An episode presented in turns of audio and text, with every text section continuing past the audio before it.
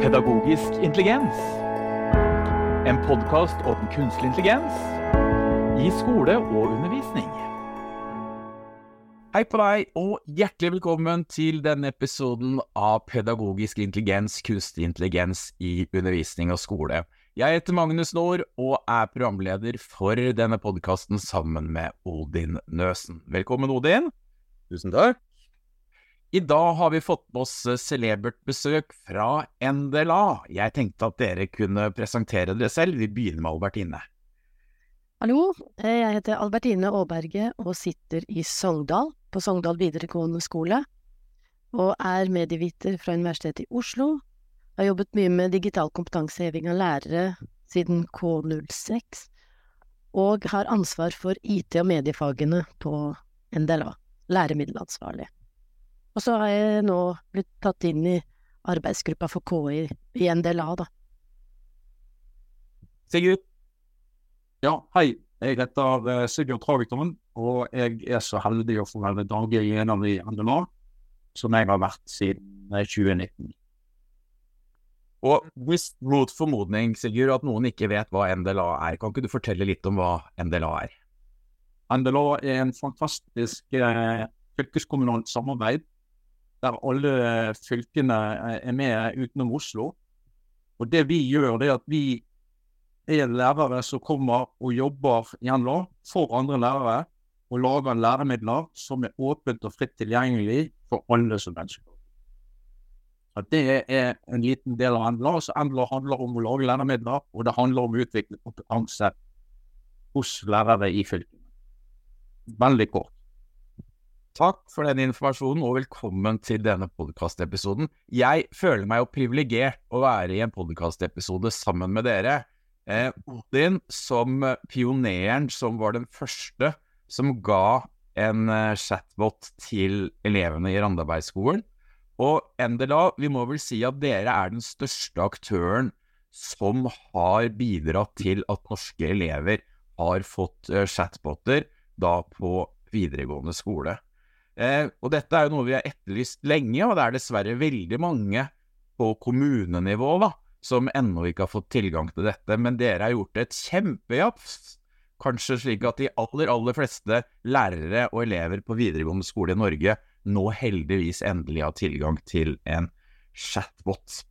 Dere kaller deres chatbot for NDLA Pratebotten. Kan dere ikke fortelle litt om dette prosjektet og forhistorien på det? Jeg kan jo si litt om forhistorien, og så kan vi jo komme tilbake til eh, navnet og litt de tingene. Men eh, det er jo, så du sier, at eh, i fjor, i november i 2022, ja det er mer enn et år siden, så fikk jo vi alle flere språkmodeller, forbrukerteknologi, med ChatGPT. Og selvfølgelig, som de som hører på denne podkasten vet, så er dette et kraftig verktøy. Eh, og selvfølgelig veldig interessant i opplæringssammenheng. Og Da var det jo sånn at eh, skolen sier til elevene nå må dere eh, være med på den nye teknologien med den ene hånden. Og så stopp, stopp, ja, dere kan ikke bare se, men ikke røre. Det var liksom situasjonen. Det var veldig vanskelig og frustrerende situasjon for lærere eh, her ute i, i skolen.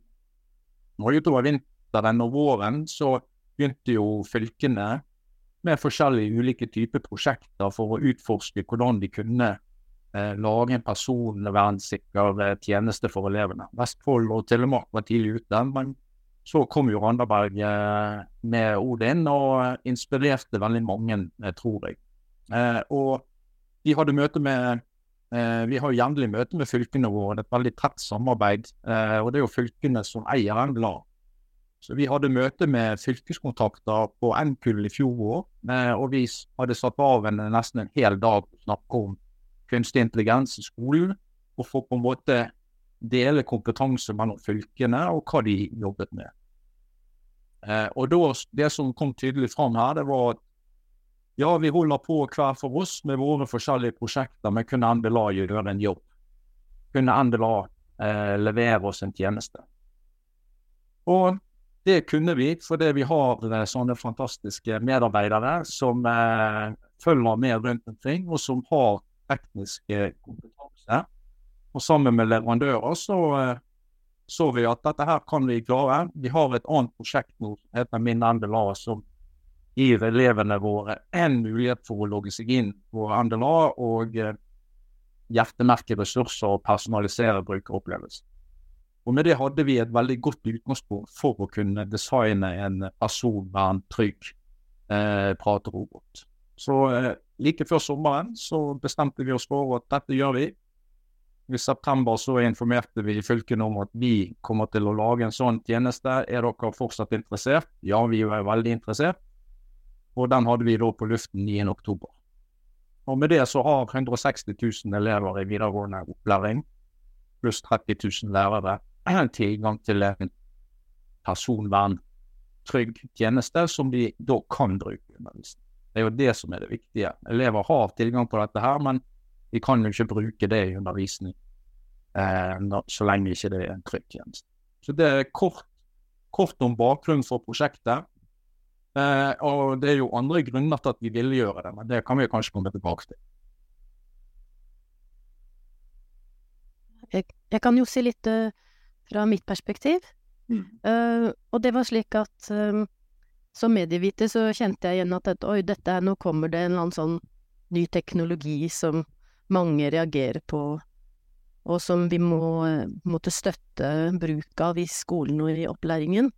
Og til forskjell fra kanskje tidligere medieteknologier som, mest, som har vært mest aktuelle for medielærere å ta opp i seg, sånn som sosiale medier for eksempel, så ble KI eh, noe som plutselig angikk hele skoleverden. Eh, og eh, omtrent på samme tiden så hadde vi avsluttet, eller vi var i sluttfasen på et samarbeid med Medietilsynet om en, et escape room som het Hekta.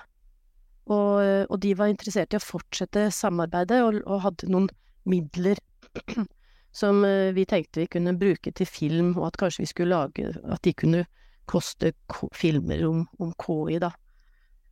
Så de eh, Og der kommer også navnet, så de satte i gang med eh, eh, å bestille film hos sitt eh, selskap, eller det avtaleselskapet de hadde, som er 15 sekunder. Og de lagde en film om kritisk bruk, eller kritisk tilnærming til KI med blant annet Goodwin og ja, mange dyktige og elever som samtaler med hverandre. Og de kalte den filmen for Praterobotene. Så da kom det opp i arbeidsmøtet, og så, ja, det, da tok vi liksom Og alle var tommel opp for det navnet der, da.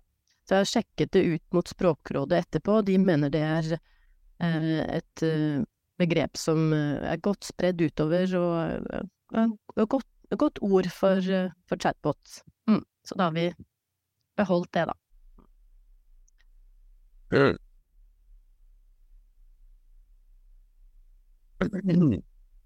Det, det, som, det er spennende. Jeg, jeg, setter jo veldig pris på dette, fordi jeg har jo unektelig holdt en del kurs eh, i det siste. Og, og, hver gang det er liksom en snakk om enten at jeg er på videregående skole, eller at det er en eller annen fylkeskommunal eller litt sånn bredere setting, så er det så veldig greit å si når vi kommer liksom til det punktet i programmet som er hvordan skaffer du deg tilgang til pratebottene? Og så er det å si egentlig bare dere som er i videregående skole, dere går til av. Og så er liksom den diskusjonen litt slutt. Eh, og så har jeg jo en sånn ulempe med at jeg gir de som er på kurs, tilgang til en, til en kopi av KI Randebergskolen, bare for at de, jeg vet at de har noe, og jeg vet hva de har tilgang til. Eh, og, og, da dukker òg ofte det spørsmålet for dere har jo lagd pratebotter. Eh, og jeg har òg utfordra egentlig systemet til å si at det, men vi kan jo lage andre typer verktøy ute av den typen teknologi som språkmodeller er. Har dere, har dere toucha den tanken òg, og, og laga noe mer enn bare pratebotter? Ja, ja. Det, det er diskutert hver gang. Ja, det er klart at NBLA som, som en eh, ja, skal vi kalle det òg en produsent av digitalt innhold og læremidler, eh, men òg tjenester eh, for, for, elevene i, i NDLA-fylkene.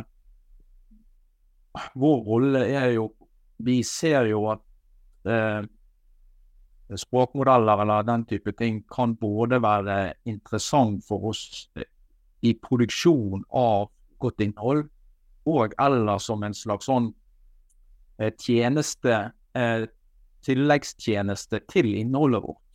Så dere her, eh, Vi har jo satt ned en, en ressursgruppe for KI i NDLA nå. Laget et mandat Eh, og nå eh, og der jobbes det eh, og tenkes. Så vil vi lage en plan vi, for hvordan vi vil utforske disse mulighetene framover. Så det her er mye som ligger foran oss, og det er bare veldig spennende. Ja.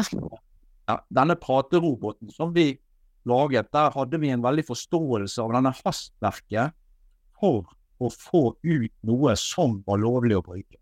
Mm. Og da Eh, og da valgte vi denne tilnærmingen her som en litt minimalistisk. Vi tenkte det var viktigere å komme Tiden var viktigere her enn å gjøre mye fancy i en leveranse. Og Derfor så valgte vi to enkle prekonfigurerte modeller. Vi valgte et oppsett som vi hadde fokus på personvern. Eh, og vi valgte jo da en, en, en, eh, språkmodell som ikke koster all verden. Jeg hørte på podkasten med Oslo kommune, og de der var en jo inne, og litt, inne litt på det. Eh, så det vi har oppnådd her, er jo en, en modell som virker å være skalerbar, som er responsiv. Og selvfølgelig ikke av det siste, men disse tingene er til vurdering hvordan vi, vi tar det videre.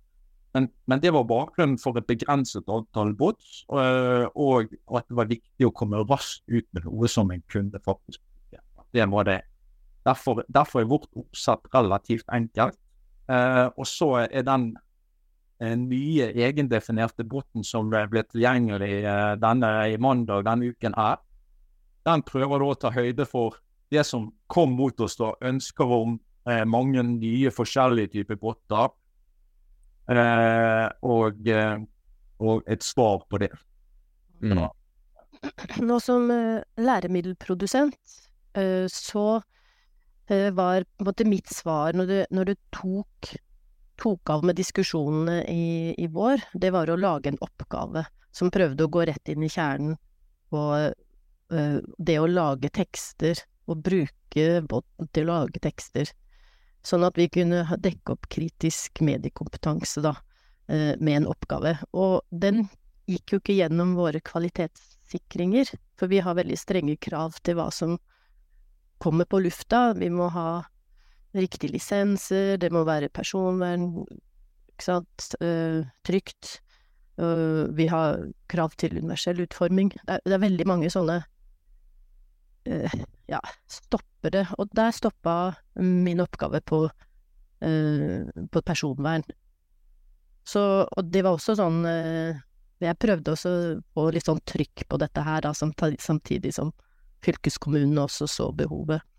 Og, eh, og, for å kunne lage den typen oppgaver som svarer til de viktigste behovene hos lærerne akkurat nå, sånn dette med vurderingsproblemer eller lesing av uh, chatbot-tekster eller ja, og gjenbruk av uh, tekster som er generert av, uh, av bottene, så holder det vel sånn et stykke på vei, i hvert fall for den den jobben vi gjør i, i redaksjonene med, med fagressurser.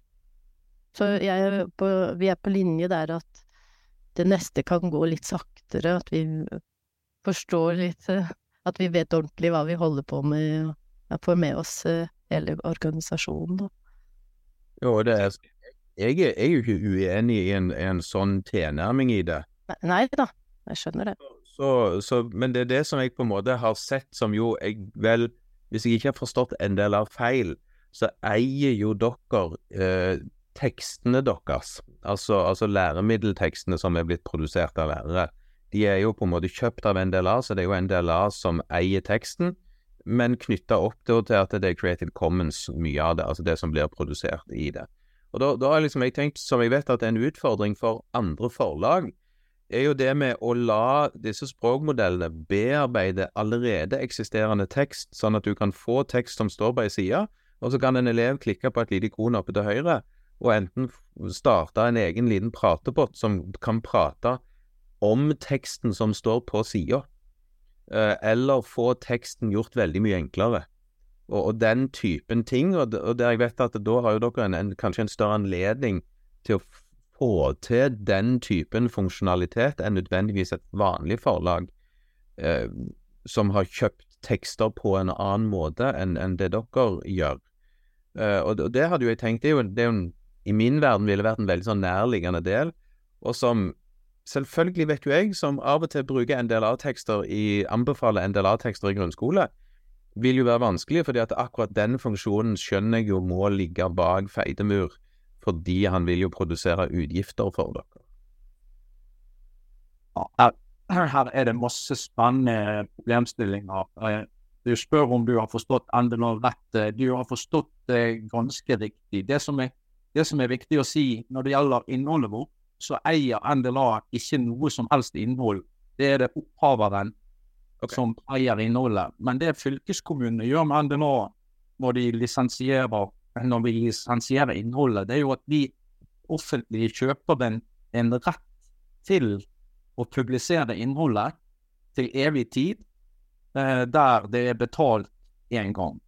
Mm. Og så er det òg sånn med alt innholdet vårt som har en veldig sånn tydelig lisens, som sier det til eh, mesteparten av lisensene på vårt innhold er er slik at enhver person eh, kan laste ned dette innholdet og eh, endre på det, eh, tilpasse det til sin undervisning eh, og dele det videre med andre personer eh, på like vilkår som den opprinnelige artikkelen var delt.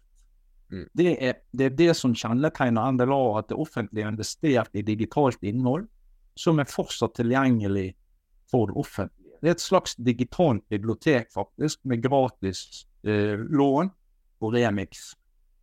Som vi tenker er en veldig stor verdi, både i læringsøye med, med tanke på å kunne tilpasse ting til undervisningen, veldig fleksibelt, men òg som en sånn kollektiv samfunnsinvestering som gir et moderne kunnskapssamfunn der alle får tilgang til innhold med høy kvalitet for å kunne kvalifisere seg. Så det er på en måte kjerneideen. Vi eier ingenting, men vi har det offentlige gjennom NDLA kjøpt disse rettighetene til det innholdet som vi publiserer.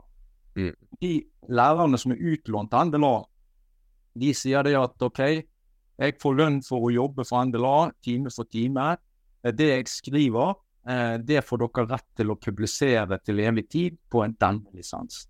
Så det er litt av eh, liksom det geniale med denne måten for det offentlige å investere i lærerne. Og så var du inne på dette med, med hva skjer nå med denne nye teknologien. For det er noe som ikke har vært tenkt på. Dette med rettigheter og gjenbruk og, og transformasjon av, av innhold. Eh, det er et lerret eh, å diskutere òg, og det diskuteres internasjonalt. Hva betyr dette for Creative Commons-lisensier? Så det er en veldig spennende diskusjon.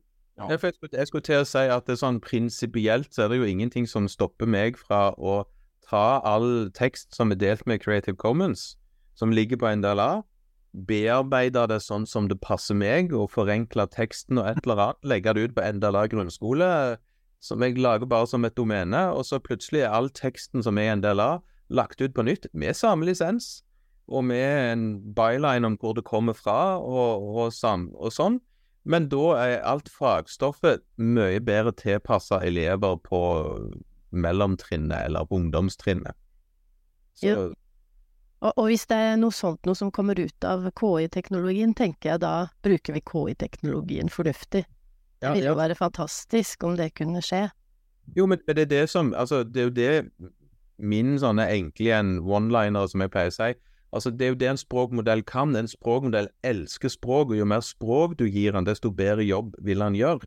Så jeg har for så vidt sagt at forlag og type NDLA som sitter med store tekstkorpus Det er jo en, det er en drømmesituasjon for, for god bruk av språkmodeller i forhold til det å kunne få en språkmodell til å bearbeide eksisterende tekst, og få det da til å bli tilpassende til andre typer målgrupper.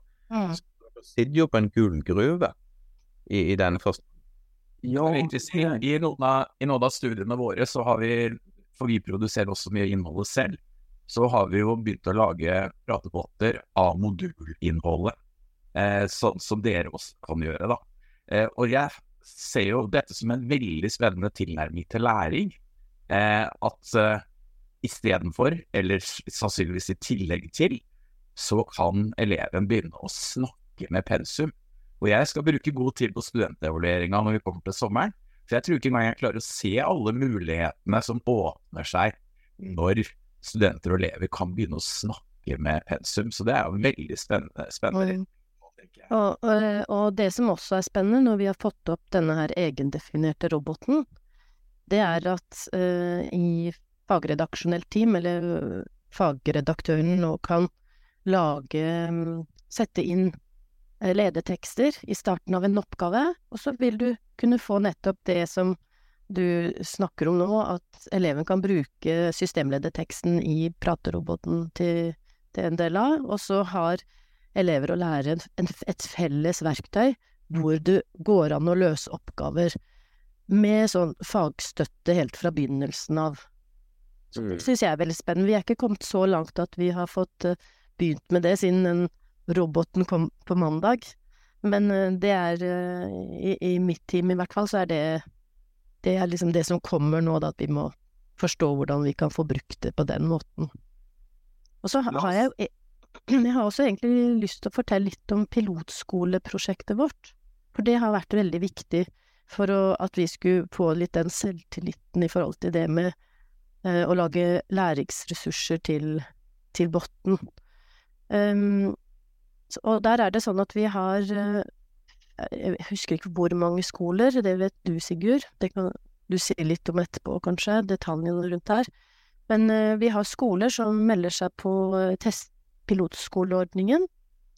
Og, eh, og, så sender vi eh, i fag, fagredaksjonelt team inn oppgaver og, og, fagartikler til test.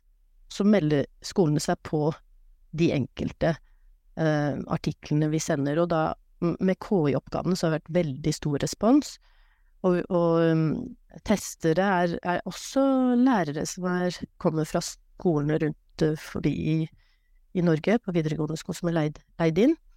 Og vi har et veldig dyktig team som, som tar med seg oppgavene inn i en klasse med lærere og elever, og, og sjekker hvordan er det læreren tar i bruk oppgaven, hvordan responderer eleven, hva slags type læring kommer det ut av det, uh, fungerer oppgaven sånn som uh, vi hadde tenkt? Det er kanskje det viktigste nå med KI som er så nytt.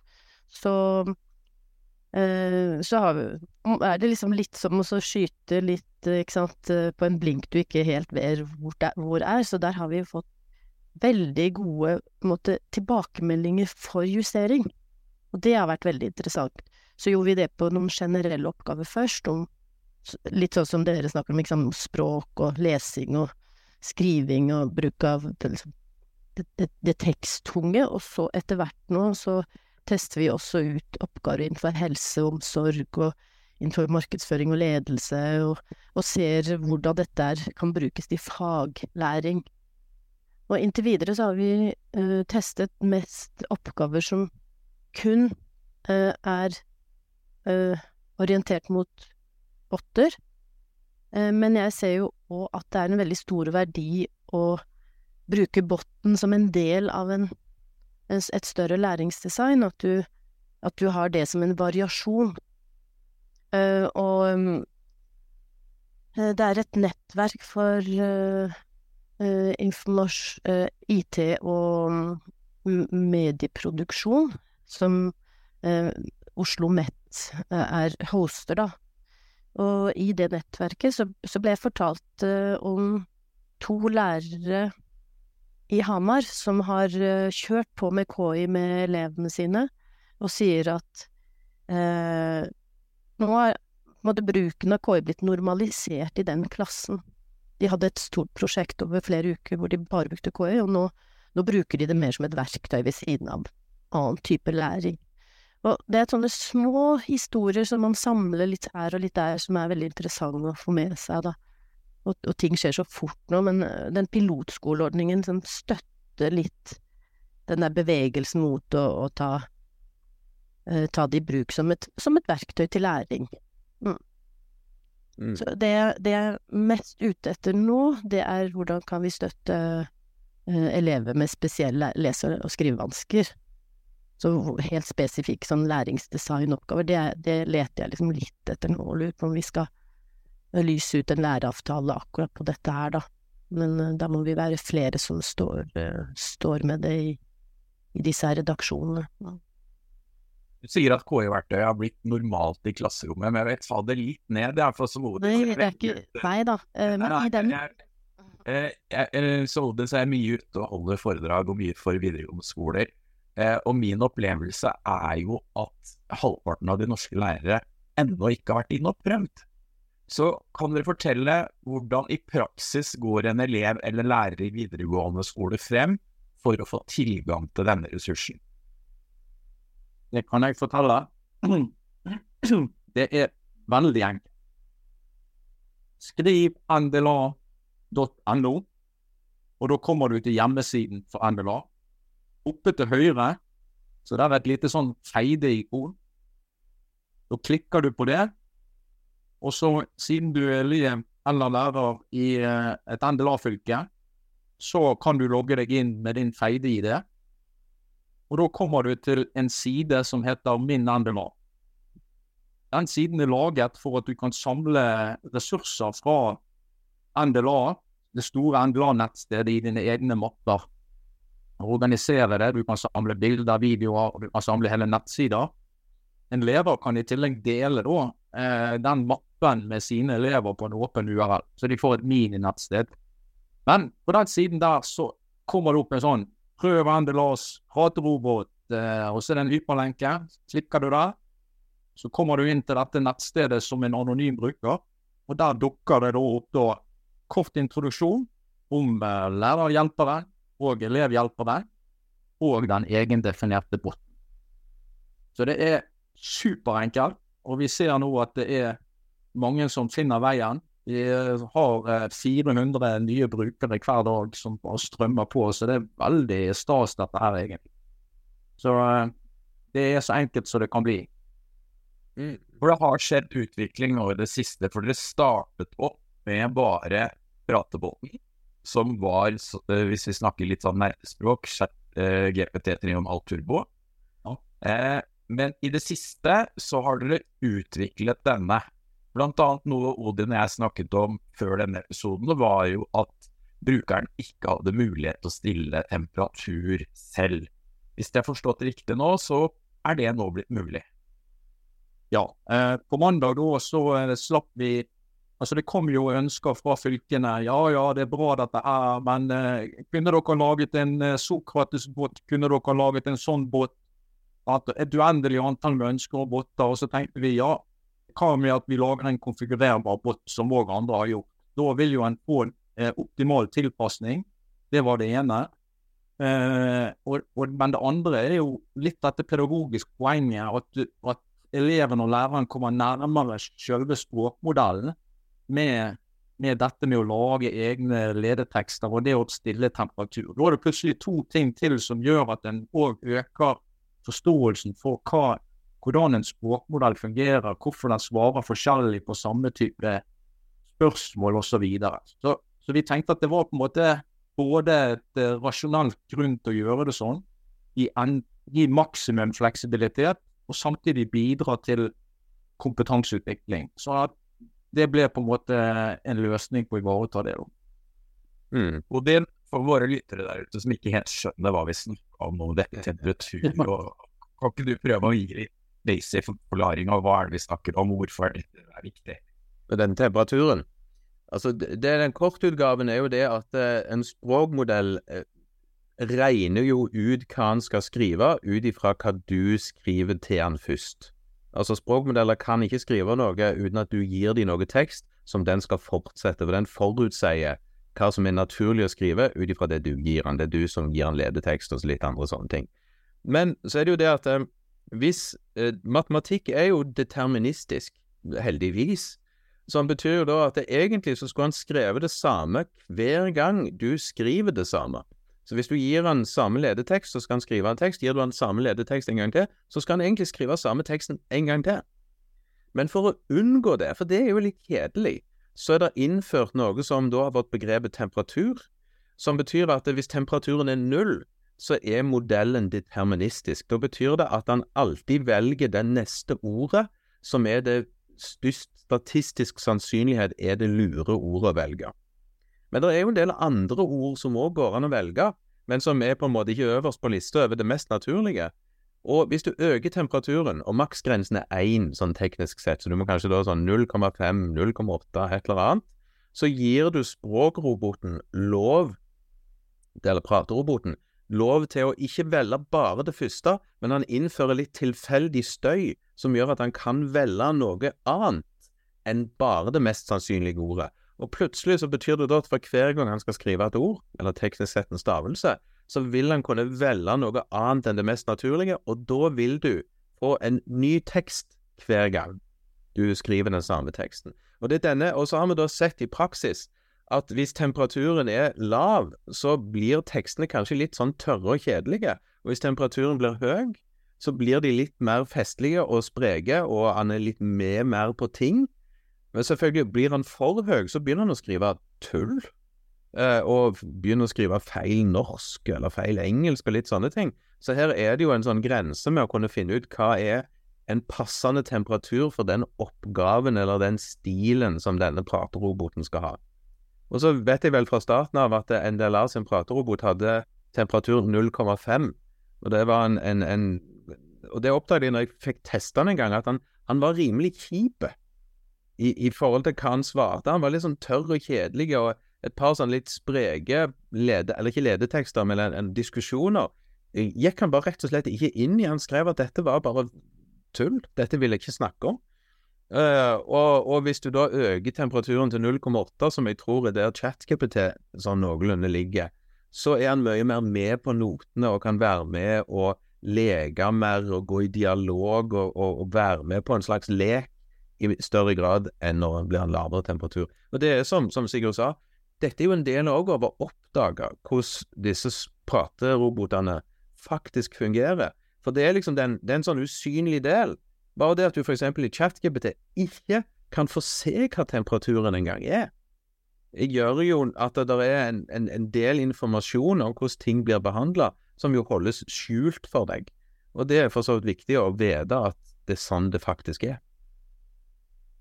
Det så en en Vær så god, Albertine. Unnskyld. Ja, nå, nå, fikk jeg en god idé til en artikkel. Nå må jeg utvide artikkelen min om hvordan dette fungerer. Så nå, tusen takk skal jeg ta for å få det inn. Vi er midt inne i litt sånn håpløse situasjoner akkurat nå, som selvfølgelig dere i en del av òg må sitte og telle på. Jeg regner med, nå blir vi veldig tekniske, at dere har kjørt opp mot Microsoft sin Asher OpenEye. Eye at det, at det er der dere henter tjenesten fra. Og Microsoft er litt sånn kjipe med å få inn de nyeste versjonene av språkmodellene som OpenAI produserer.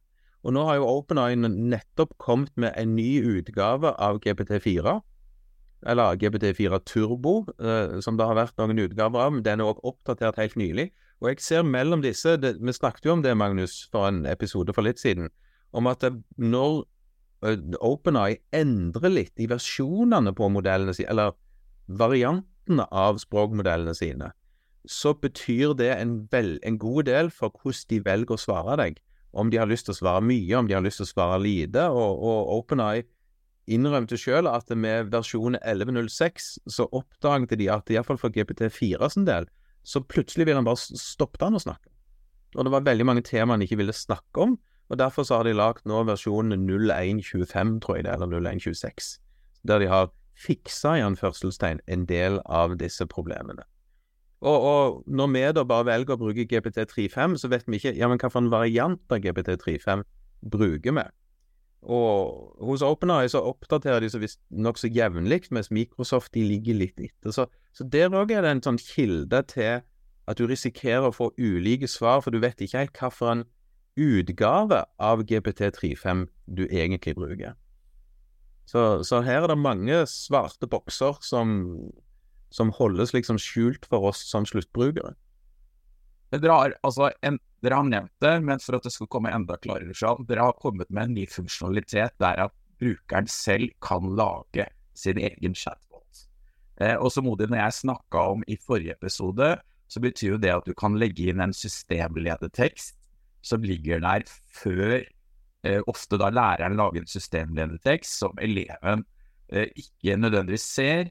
Eh, senest i går var jeg i Oslo-skolen, og da jobbet jeg med nyutdanna lærere, og da brukte jeg Odin sin Sokrates systemledetekst, som da hele tiden svarer på å stille spørsmål. Jeg tror dette er en veldig bra måte å forstå dette med pratebotter, og kunne tilrettelegge undervisninga. Eh, kan dere ikke fortelle noe for de som ikke skjønner det, hva det vil si å lage disse bottene selv? Jeg kan, jeg kan, eh, jeg kan prøve den, den egendefinerte botten som vi har. Der er det, eh, i tillegg til det vanlige ledetekstfeltet eh, til den botten, så er det eh, et felt der du kan gi navn på denne botten. Og så er det et sånt systemledetekstfelt som du på en måte fyller ut. Altså du, du lager deg en bot før du bruker den. Og da fyller du ut navn på botten. Du fyller ut denne systemledeteksten som du har beskrevet veldig fint, og så setter du en temperatur, og så sier du så sier den lag eh, bot, eller lag en eh, robot. Og så begynner du denne diskusjonen med denne botten. Så begynner det med vanlig input-tekst. Sånn at, eh, og alt dette er helt transparent og åpent. Eh, og så er det jo pga. personvern og alt skal være anonymt, så kan ikke du lage noe brukerhistorikk og sånt. Så du må, eleven eller læreren må ta med seg denne systemledeteksten og ha den i et Word-dokument eller et eller annet. Men det igjen kan jo gi veldig spennende muligheter for å dele og endre på systemledetekster. Og eh, særlig og nå, vi har jo eh, på gang å utvikle en eh, nasjonal arena for lærere nå. En digital møteplass der de der dette her er sannsynligvis ett av disse temaene som kunne være interessant. Men det er et sted som lærere kan logge seg inn på min NDLA og på denne arenaen. De holder på å rekruttere og jobbe skriftlig med dette nå. Men da blir det en møteplass for 40 000 potensielt lærere til å dele og diskutere erfaringer og f.eks. dele innhold fra innholdet inn i, et, i en forumsløsning.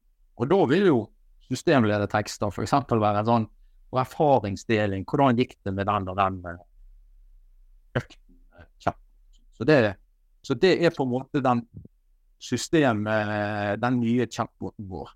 Ikke noe fancy greier, men ha den funksjonaliteten som gir deg kommer, kommer tettere inn på språkmodellen, sånn som Odin forklarte veldig godt om hvordan dette virker.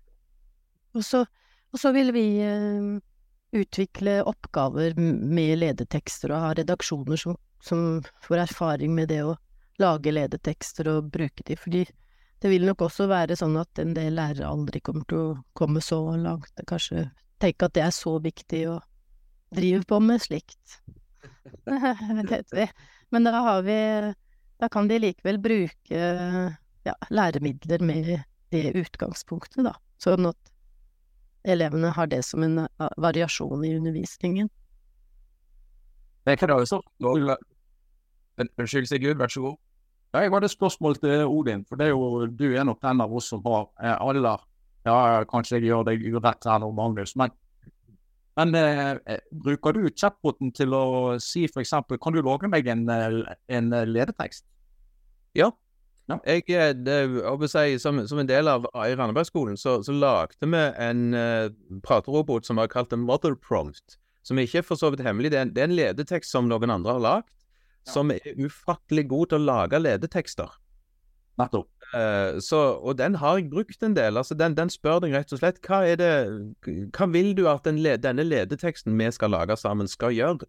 Og så må du prøve å beskrive hva du vil at ledeteksten skal føre til, og så vil han lage et forslag til deg. Og så begynner han å stille deg oppfølgingsspørsmål for å spisse ledeteksten, eller gjøre den enda tydeligere. Og da får du en, en ledetekst som jo for så vidt språkmodellen sjøl forstår at han vil forstå. Eh, og, og, og, de fungerer jo forbausende nok forbausende godt. Eh, og det eneste ulempen med den, og som jo for så vidt vi ikke har vært innom, det er jo at den er nødt til å bruke eh, GPT4-språkmodellen.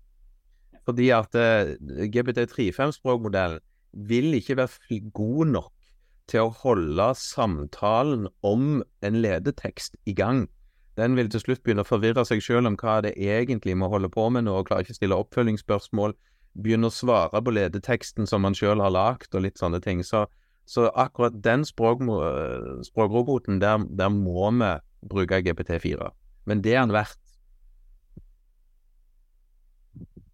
Nå har dere jo fortalt oss at dere går et skritt av gangen, som er fornuftig. Eh, men jeg lurer litt på har dere noen vyer framover? Eh, dere har jo sikkert mye på blokka.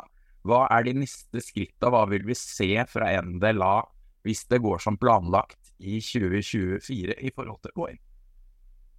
Jeg, jeg kan Du kan begynne, i hvert fall. Ja, jeg kan, jeg kan eh, Altså, det som er Jeg vil litt tilbake til eh, hvorfor er det NDLA leverer denne tjenesten. Det har gjerne ikke forklart så tydelig.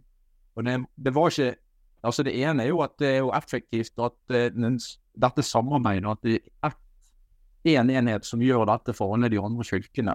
Men, men det andre handler om A-en i NDLA, som er denne arenaen og denne kompetanseutviklingsbiten. Men òg det at de har jo allerede nå, og som følger denne, denne tjenesten, kunne lage og hatt en, liksom en motivator for å lage innhold som lærere kan bruke. Når vi, når vi har kontroll på på en måte i hvert fall én type modell, så har vi mye bedre muligheter for å lage godt innhold som gjør at vi Altså eh, at vi, vi sikrer, eller at vi øker sannsynligheten for at elevene får pedagogiske gevinster av ny teknologi. I motsetning til om dette ble bare rullet ut fra en IT-avdeling. Så sitter jo lærerne i hele NDLA-fylket mye tettere på det er lærerstyrt, det er med elevmedvirkning, og vi har muligheten for å foredle innholdet vårt, sånn som du har vært inne på. Nå, nå sa nettopp Albertine ja, nå må jeg skrive om en artikkel. Så plutselig er det publisert i løpet av kort tid. Så det er denne her kraften rundt kompetanseutvikling, dette navet som vi har her blant lærerne, er helt veldig god grunn til at vi vil ta denne med oss. Så kan du Albertine si litt om uh, VIA, kanskje? Ja, eller kan du si litt om innholdsmessig, da. Altså nå når uh, den her uh, egendefinerte roboten er kommet ut, så må vi oppdatere uh, artikkelen om ledetekster, skille mellom ledetekst og systemledetekst. Og så må kollegaene mine få forståelse av forskjellene, og få lov å øve seg på å lage systemledetekster og ledetekster, og for å kunne bruke det til uh, fagopplæring, da. Så for meg så er det kanskje det i, i vår at vi må At det er ikke bare meg som må vite om hva temperaturen var, da, som jeg fikk vite av Odin nå i stad. Vi må forstå det alle sammen.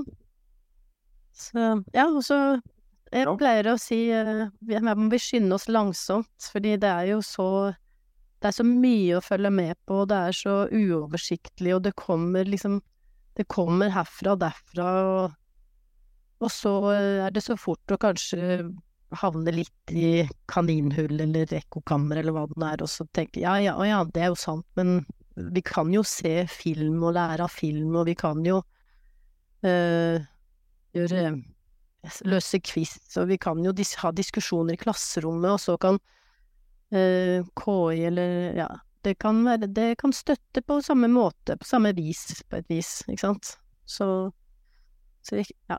Ikke jeg, jeg, jobber med å ikke la meg drukne for mye av dette her, da. Så holde tunga rett i munnen. Men det her med kritisk mediekompetanse, at elevene skal kunne få en anledning sammen med lærerne sine og med hverandre, å diskutere sin egen bruk av uh, bottene i en læringssituasjon. Det tenker jeg, det, det har vi på en måte har, Nå har vi gitt elever å lære den muligheten, og så tar det jo veldig lang tid før, uh, før alle lærere og alle elever får den opplevelsen i klasserommet, da. Så jeg tenker nå, nå er det også fylkene som, som jobber hardt med å få med å ha dager og sånt. Vi har, vi har i Vestlands og, og Gammel Sogn og Fjordane, så vet jeg at vi har hatt eh, elev- og lærerdager med KI. og planlagte sånne dager hvor de løser oppgaver sammen og diskuterer at det er liksom organisert fra, fra ledelsen. Da får du på en måte liksom boosta litt profesjonsfellesskapet, som jeg tror er veldig, veldig viktig, da. At, at det også skjer litt parallelt med at vi, vi henger med og, og, holder tunga rett i munnen med hva, hvordan er det vi skal bruke KI. At, for det kan brukes til så utrolig mye. Ja. Da tror jeg vi skal begynne å gå inn for landvegg. Har du noe siste spørsmål, Odin, eller kommentar? Nei, ikke annet enn at, at, jeg, som jo ble sagt innledningsvis, syns at det NLA har gjort med å snu seg så fort rundt og tilby en tjeneste som jo mange skoler har savna, og, og, bare det å gi muligheten til det, er der eh, applaus for det, altså. For det, det jo, har jo vært hovedproblemet, og jeg syns jo ikke nødvendigvis at at grunnskolenivået nødvendigvis har klart å, å, organisere seg rundt det, som jo igjen forteller om hva slags ressurs en del av som prosjekt egentlig er for fylkeskommunene, og som jo, som jo er en mangel hos oss i grunnskole. Tusen takk for at dere var med i denne episoden, alle sammen. Og vi ønsker oss selv lykke til videre i bruken av chatboter i undervisning. Takk for oss. Ha det bra.